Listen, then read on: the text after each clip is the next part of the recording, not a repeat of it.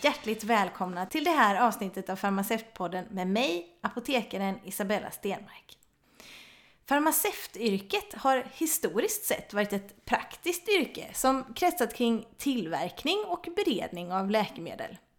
Jag har aldrig fått chansen att jobba så praktiskt. Det enda jag laborerar med nu för tiden är mina surdegsrecept.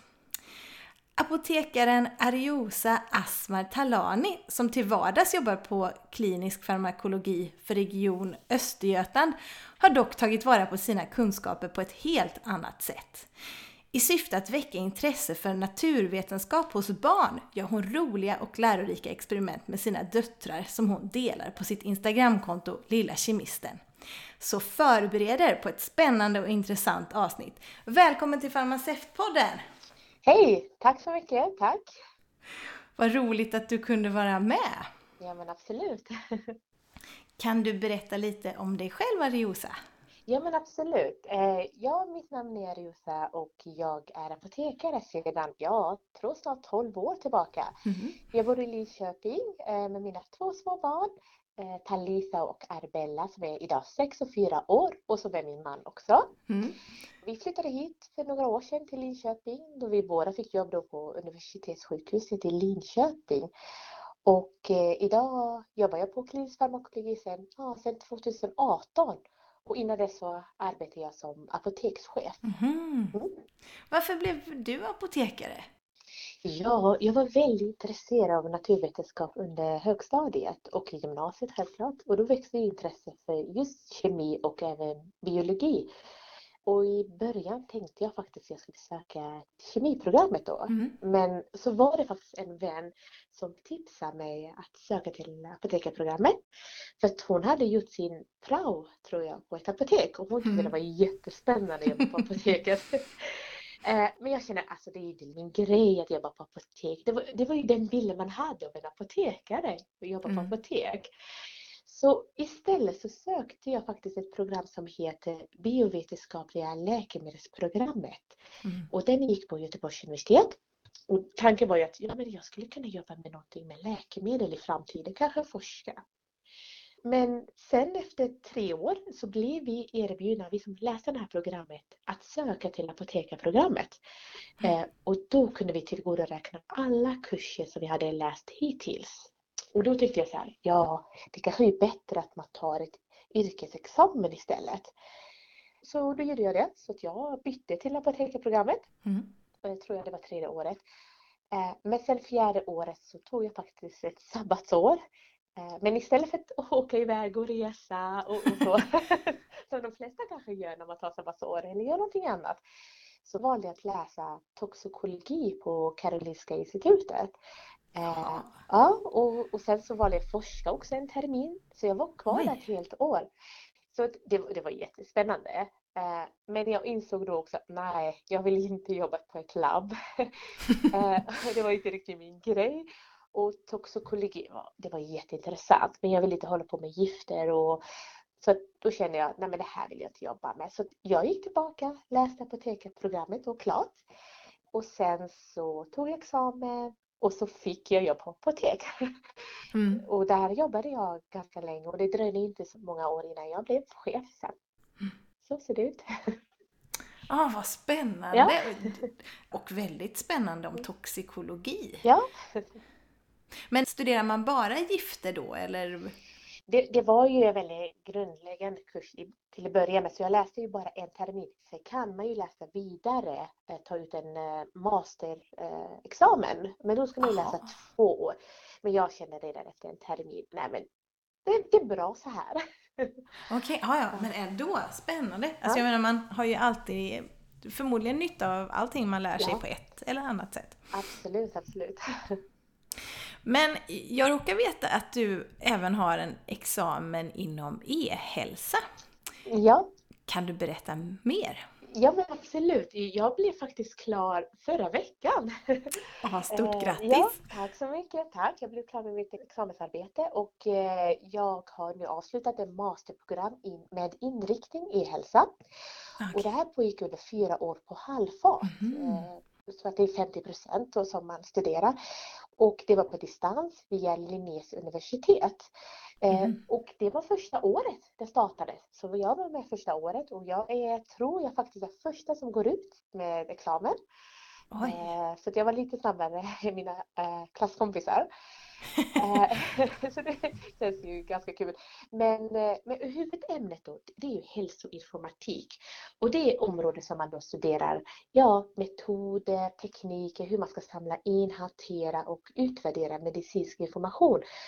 För utbildning i sig, den är väldigt tvärvetenskaplig, för man studerar både hälsa, IT och ekonomi. Mm. Så det var väldigt mycket som var nytt för mig om man jämför med apotekarprogrammet. Mm. Och e-hälsa, ja hur ska man definiera det här? Det finns olika definitioner men man skulle kunna säga att man använder digitala verktyg och att man utbyter information digitalt för att uppnå bättre hälsa. Mm. Och syftet är att man ska bidra till en bättre, säkrare och kostnadseffektivare vård och omsorg ja, vad kan man göra med elhälsa? Till exempel förbättra kommunikationer mellan vårdpersonal, sjukvård. Man kan låta patienter vara lite mer delaktiga i sin vård, till exempel att de kan själva boka vårdtider via någon app till, till exempel mm. som man laddar ner till mobilen. Eller ge verktyg, arbetsverktyg till vårdpersonal så att de får snabbare information som leder till säkrare vård. Till exempel att man tar fram ett beslutsstöd. Mm. Så det är ett exempel. Så programmet som jag läste var väldigt, väldigt bra och väldigt intressant, speciellt för mig som farmaceut.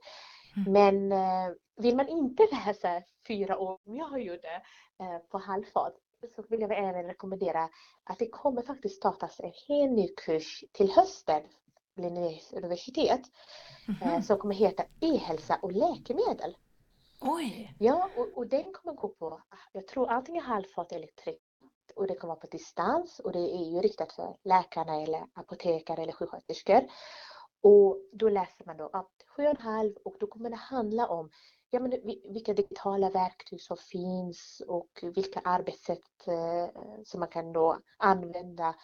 Och fokus kommer att vara på just läkemedel. Så det kommer vara ja, allt som handlar om beslutsstöd som kan bidra till säkrare läkemedelsanvändning. Så den kursen måste jag verkligen rekommendera om man är intresserad av eh, e-hälsa. Mm -hmm. jag, jag brukar tycka om att läsa någon kurs på hösten för att eh, ja, hösten är så tråkig. Ja. så det här var ju verkligen intressant. Ja, då tackar vi för eh, denna lilla inblick i e-hälsa. Ja. Men du arbetar på klinisk farmakologi på Universitetssjukhuset i Linköping. Mm. Berätta, vad, vad har du för uppdrag? Ja, jag arbetar med bland annat något som kallas för nationellt ordnat införande av nya läkemedel. Mm. Och för att förstå vad det innebär så bör jag förklara lite syftet bakom den här processen. Och det är alltså genom nationellt ordnat införande så samverkar alla Sveriges regioner och det är för att man ska få uppnå en jämlik och kostnadseffektiv användning av nya läkemedel över mm. hela landet. Och det finns ju något som heter eh, Rådet för nya terapier. Det är alltså NT-rådet. Mm. Och de utser vilka läkemedel som ska ingå i det här nationella samverkan och kunna ge då rekommendationer hur det ska användas. Och NT-rådet de har ju alltså regionernas mandat att kunna ge de här rekommendationerna. Och, och, syftet är ju som sagt att det ska vara jämlik tillgång till alla nya läkemedel mm. eh, genom effektiv användning eftersom vi har ju gemensamma resurser. Och nationellt ordnat införande, alltså det, det är väldigt mycket samarbete med en myndighet. Vi har ju eh, NT-rådet samarbete med TLV, det är kliniska experter, det är läkemedelsföretag och så vidare. Och det finns ju olika steg i den här processen med nationellt ordnat införande. Alltså den här samverkansmodellen som det bygger på. Och jag jobbar ju med att skriva de här rekommendationerna. Mm -hmm. Så, och de är ju baserade på bedömning av nytt läkemedels värde jämfört med det bästa nuvarande behandling vid varje aktuella indikation. Och då arbetar jag med att skriva de här och det är självklart det är NT-rådet som tar beslut. Eh, så det är väldigt spännande jobb, eh, men det är mycket man måste verkligen vara noga hur man uttrycker, hur man skriver de här rekommendationerna. För det når ut till så många. Mm. Så det är det som jag jobbar med främst med just nu. Men blir det mycket litteratursökning och så? Eller hur hittar ja. du eh, argumenten? Ja, när ett nytt läkemedel blir godkänt och då är det TLV som får då uppdrag av NT-rådet att skriva en hälsoekonomisk utvärdering av det här läkemedlet som är nytt. Vi får tillbaka det och då läser vi den och därefter då så gör ju NT-rådet egna bedömning utifrån det här eh, underlag som vi fått från TLV. Mm -hmm. Så de, gör ju, de undersöker då och gör, ja, utvärderar den här medicinen och därefter så är det NT-rådet som tar del av den här utvärderingen och därefter tar då beslut om det ska rekommenderas eller inte. Aha! Aha. Ja. Vad kan man göra mer på klinisk farmakologi? Ja, eh, vi har ju många arbetsuppgifter inom klinisk farmakologi. Men det övergripande uppdraget som klinikerna har det är att vi ska stödja vården i arbetet med att uppnå effektiv, patientsäker och kostnadseffektiv läkemedelsanvändning för alla. Mm. Vi har bland annat rådgivning och information utbildning till vården. Vi får många samtal från vården när det gäller läkemedel. Mm. Vi har ett labb, så vi har ju koncentrationsmätningar av läkemedel för att ge underlag för individuell dosering. Mm. Vi har apotekare som jobbar med stödfunktion för en säker läkemedelsordination i patientjournalen. Mm. Och sen så har vi kliniska apotekare. De jobbar ju med det här med läkemedelsgenomgångar ute på avdelningar eh, bland annat. Och sen så har vi även uppföljning av avvikelser vid användning av, av, eller biverkning av läkemedel. Och så på uppdrag av Läkemedelsverket så sprider vi även information om biverkningar eller rapportering. Mm. Och så har vi det här med ordnat införande som jag arbetar med och sen här har vi även kliniska prövningar. Men det här är bara en del av det vi arbetar med. Vi har flera uppdrag inom klinisk farmakologi. Oj, det var många uppgifter eh, man mm. kunde ha. Har du provat på någonting annat? Ja, nu har jag ju studerat samtidigt så mm. jag har ju gått ner i tid eh, för att kunna då utföra lite uppdrag som jag har inom klinisk farmakologi. Men sen sitter jag till exempel också som expertapotekare inom gruppen mag och tarm. Mm. För det finns en grupp då, då består av en apotekare och så är det läkare. Ja. Eh, och vi svarar ju frågor när det handlar om läkemedel då, inom mag och tarmområdet. Eh, så det är ett uppdrag som vi har också. Mm. Men vad kan det vara för frågeställningar man får eh, om läkemedel? Ja, det kan vara allt möjligt om, om, eh, om vi ska ta fram kostnader till exempel. Mm. Hur mycket skrivs det ut av just det här läkemedel? Kan mag-tarmgruppen rekommendera en annan som är inom föremål? Det kan handla om receptläkemedel. Oftast är det receptläkemedel. Aha. Så att då kanske jag får uppdrag att undersöka men hur många recept har Region Östergötland skrivit ut. Mm. Eh, och hur mycket kan vi spara om vi byter ut till ett annat läkemedel? Aha, okej. Okay. Ja, men då förstår jag vilka frågeställningar lite grann. Ja. Finns det andra professioner som jobbar på mm. klinisk farmakologi förutom farmaceuter? Ja, vi har ju både som sagt apotekare och receptarier och sen har vi ju läkare. Mm. Vi har eh, ST-läkare eh, inom klinisk farmakologi. Och vi har ju kliniska farmakologer, vi har sjuksköterska, vi har kemister, mm. vi har mm. biologer och biomedicinska analytiker.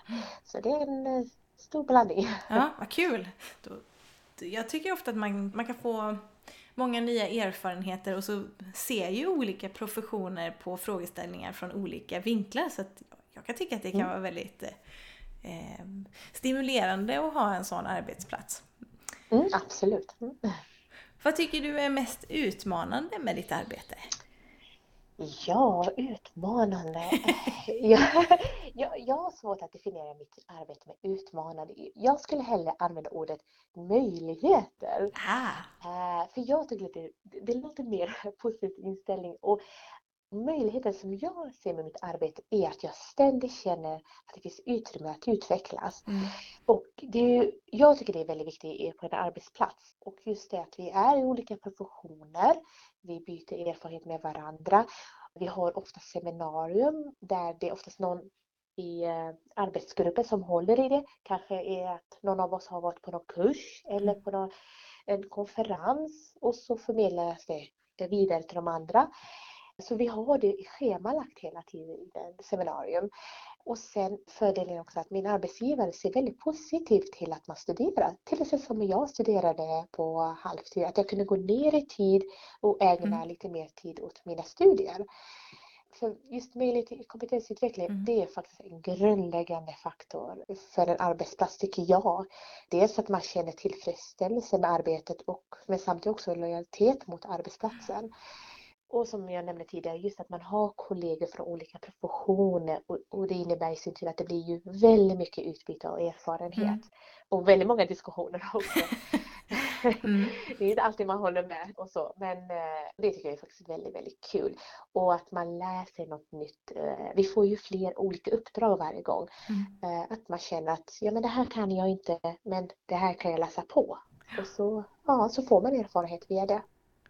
Jag gillar också när man har möjligheten då, alltså att lära sig saker. Det är ju ett löfte för framtiden som jag brukar säga. Absolut. Eh, Och det finns mycket att lära sig. Och det, det låter fantastiskt att ni har sån möjlighet till kompetensutveckling också. Det är, eh, man växer i sin eh, roll tror jag. Absolut, absolut.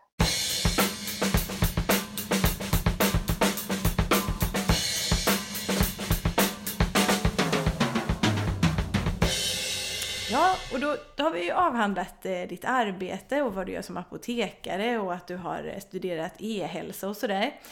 Men vi har ju faktiskt ditt fantastiska Instagramkonto kvar. Och jag har ju varit inne och tittat lite på dig och dina gulliga döttrar. Mhm. Hur kommer det sig att du startade det här kontot, Lilla Kemisten? Eh, Ja, eh, det var lite av en mer eller mindre slump egentligen. Eh, Det var väl i slutet av våren när man började ställa in alla aktiviteter för barn. Simlektionerna ställdes in, man kan inte besöka lek och busfabriken längre. Nej. Och då var det här med social distansering och det var inte lätt när man skulle eh, besöka lekpark för då var alla där. Och, då kände jag att jag måste göra någonting, något, något kreativt, något kul för barnen. Men att det passar båda flickorna, för då var de fem och tre. Mm. Mm. Och, eh, och jag kände att jag, oj, nu har jag en lång sommar framför mig och nu måste vi verkligen hitta på någonting. Och, eh, men det var någon regnig dag när jag gick ner till källaren och började städa. Det är oftast det man gör när det regnar. Och då satt jag och städade och då hittade jag mina gamla kemiböcker från gymnasiet till och med. Eh, och då började jag bläddra i dem och tänkte varför har jag kvar de här? Men det är oftast lite nostalgi, man vill Mm. lite slänga och man tänker att någon gång kanske jag har användning av dem. Eh, och, och då började jag bläddra och, och då hittade jag några så experiment som jag hade gjort och ritat. Den tiden använde man knappt dator, då ritade man allt för hand och, Mm. och så. Och då såg jag några experiment och då gick jag upp och, och då tog jag fram lite ingredienser man skulle kunna använda. Mm. Och då började vi testa det här och barnen var med och de tyckte det var så himla kul. Så vi spelade in det här samtidigt eh, för att jag ville gärna att familj och släkt skulle få se. Ja. Som vi inte hade träffat på länge. Mm. Och då laddade jag upp det på mitt privata Instagramkonto. Men så hade jag en vän som jobbar som förskollärare. Då hade hon sett video och då sa hon snälla skulle du kunna starta ett eget konto och att du laddar upp de här filmerna. Och då gjorde jag det. Och jag tror att inom ett par dagar strömmade in många följare. Och det var vä- väldigt, väldigt kul att det kom in så många. Men eh, de flesta som faktiskt följer mig, det, det är ju barnfamiljer, men det var väldigt många förskolor och skolor som började följa Mm. också. Och jag tror faktiskt anledningen att det blev väldigt populärt är att det finns faktiskt väldigt många barnfamiljer där ute som skulle behöva lite tips och idéer på aktiviteter som inte kostar så mycket. Mm. För alla mina experiment som jag använder, då ska det finnas ingredienser hemma. Så man ska inte behöva gå iväg och köpa skyddsglasögon eller någon vit rock eller någon konstig lösning, kemikalier som man har ingen aning vad det är. Utan det är saker man har hemma. Och det tror jag är anledningen då att det blev så väldigt populärt. Jag tycker det låter, eh, ja, det låter så bra Ja. och så roligt. Och så rätt i tiden också. För jag, jag, jag har vänner som har barn och de har liksom kliat sig i huvudet så här, vad, vad ska vi göra? Vi kan inte åka dit och vi kan inte åka dit. Så jag har faktiskt eh, inspirerat flera redan. Ja, vad kul! Men eh, varför tycker du det är viktigt att i så tidig ålder skapa ett intresse för naturvetenskap? Ja, jag tror att det är väldigt viktigt att man börjar i tidig ålder helst innan barnen börjar tycka att de här naturvetenskapliga ämnena börjar bli svåra i skolan. Mm. För att blir det väldigt svårt, de är ju ganska tunga, kemi, biologi, fysik mm. är ju inte så lätt egentligen. Och börjar det bli så svårt, då ger man upp. Och man börjar ge upp och då hänger man inte med, då tycker man att det är tråkigt. Mm. Och jag tror just att intresset för naturvetenskap är stort när barnen är små. Men får de inte hjälp de behöver för att utveckla förståelse vad som sker, då minskar intresset. För jag kommer själv ihåg när jag gick i högstadiet, man hade då flera kemi, biologi och fysiklektioner. Då hade jag många klasskompisar som tyckte det var tråkigt. Men jag fick ju mycket hjälp hemifrån. Mm. För jag hade en syster som läste till civilingenjör inom kemiteknik på Chalmers. Mm. Mm. Så hon hjälpte mig när det mm. var kemi. Och för jag tror att just att utföra experiment, det har väldigt stor betydelse för utvecklingen för barnen. Just för deras förmåga att förstå mm. saker som händer runt omkring oss just i vardagen. Och det tycker jag är faktiskt väldigt viktigt. Men jag kan ju nämna en gång att i somras när vi var och skulle äh, simma med flickorna och då äh, bad jag min yngsta dotter att hon skulle ha på sig de här armpuffarna som man mm. inte, som man inte, alltså man kan flyta i alla fall. Och då ville hon inte och det är ju den här trotsåldern. Mm. eh, och då sa jag till henne, om du inte har dem på dig så kommer du sjunka ner till botten av poolen. Då sa hon, men det är bara att hälla i lite salt. Oj, ja, vad roligt! Då förstod hon det här sambandet. Med, vi hade precis gjort ett experiment om ett, hur man kan få ett ägg att flyta i mm. vatten. Mm. Oh, vad gulligt! Ja. Ja. Fantastiskt! Ja, och jag, jag, har ju sett att du också ibland eh, liksom beskriver ja. för kanske en äldre publik då eller mm. större barn vad det är som händer. Det tycker jag också är väldigt eh, spännande. Ja, det har jag fått väldigt mycket återkoppling på. Att just att jag förklarar varför det sker på en nivå så att man kan förstå. Jag mm. försöker inte använda ja, olika form, kemiska formler och så. Men att jag försöker förklara och det tror jag är, jag tror det är därför många förskollärare och skolor följer. För då kan de ju förklara det för sina elever sen. Men mm. det tror jag faktiskt är väldigt uppskattat. Och det, det är jättekul, det har jag i snart 11 000 följare och det, det är helt otroligt. Ja, det är verkligen. Tack. Bra jobbat. Men väldigt välförtjänt Tack. tycker jag. Och du har ju gjort många experiment med dina döttrar. Var får du all inspiration ifrån? Ja, jag skulle säga överallt. Det är bara att titta runt. Lyft blicken från iPads och mobiler och titta ut. Ta, ta en promenad ut i skogen. Där får jag min inspiration. Och mina flickor ställer också många frågor och då brukar jag alltid förklara med experiment. Jag tycker det är mycket enklare. Mm. Precis, och då får ju fler ta del av de mm. förklaringarna. Det är ju eh, toppen. Ja, och avslutningsvis då. Hur ofta lägger du ut nya experiment? Jag menar om nu lyssnarna skulle besöka din sida. Ja, vi brukar, eller jag brukar lägga experiment ungefär en gång i veckan. Men sen ja. lägger jag även några klipp ibland som händelser där jag eh, lägger upp olika teorier inom fysik, kemi och biologi. Ja. Så jag uppdaterar ungefär varannan, var tredje dag egentligen. Oj, ja det är bra. Men då tycker jag att alla som är nyfikna på Lilla Kemisten ska gå in och titta på ditt Instagramkonto. Ja men absolut, och sprida vidare. och sprida vidare, ja. det tycker jag. Stort tack Ariosa att du ville vara med och berätta om eh, dina erfarenheter och ditt jobb och eh, ditt eh, ja, fantastiska engagemang med Lilla Kemisten. Tack så mycket för att jag fick vara med idag. Tack så mycket. Tack till alla er som har lyssnat. Ta hand om varandra tills vi hörs igen. Hej då! Hej då!